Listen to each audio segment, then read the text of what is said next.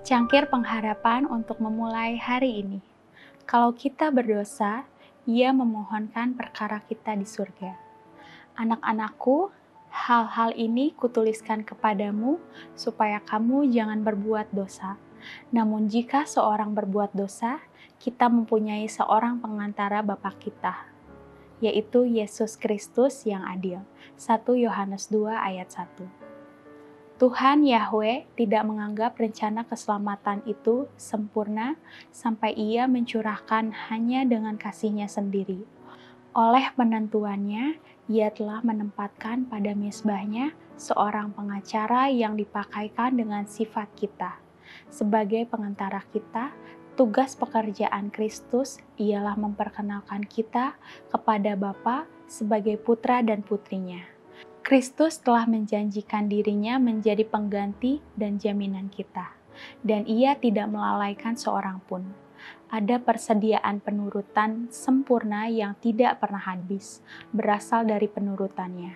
Di surga, jasa-jasanya, penyangkalan diri, dan pengorbanannya dihargai sebagai dupa yang akan dipersembahkan bersama-sama dengan permintaan doa umatnya ketika doa orang berdosa yang tulus dan rendah hati naik kepada tahta Allah, Kristus mencampurkan dengan doa itu jasa-jasa hidup penurutannya yang sempurna itu.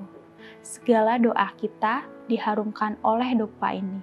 Kristus telah menjanjikan dirinya untuk mengantarai demi kepentingan kita, dan Bapa selamanya mendengar anaknya. Ini adalah misteri keilahian bahwa Kristus harus mengambil sifat manusia dan oleh suatu kehidupan yang hina meninggikan manusia dalam derajat moral yang seimbang dengan Allah.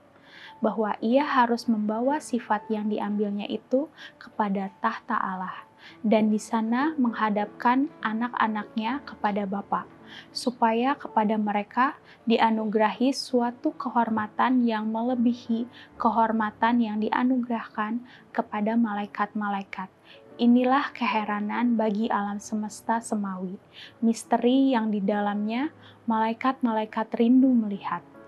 Inilah kasih yang menghancurkan hati orang berdosa dia yang tidak dapat melihat manusia terjerumus kepada kebinasaan tanpa membiarkan jiwanya pada kematian untuk menyelamatkan mereka dari kemusnahan yang kekal, akan memandang dengan rasa iba dan belas kasihan atas tiap-tiap jiwa yang menyadari bahwa ia tidak dapat menyelamatkan dirinya. Kristuslah pengacaramu. Dalam pengakuan yang kuat dan sepenuh hati akan kasih Allah, peganglah tangan Kristus dan pegang kuat-kuat tangannya memegang engkau jauh lebih kuat daripada yang engkau dapat memegang tangannya. Demikian renungan kita hari ini.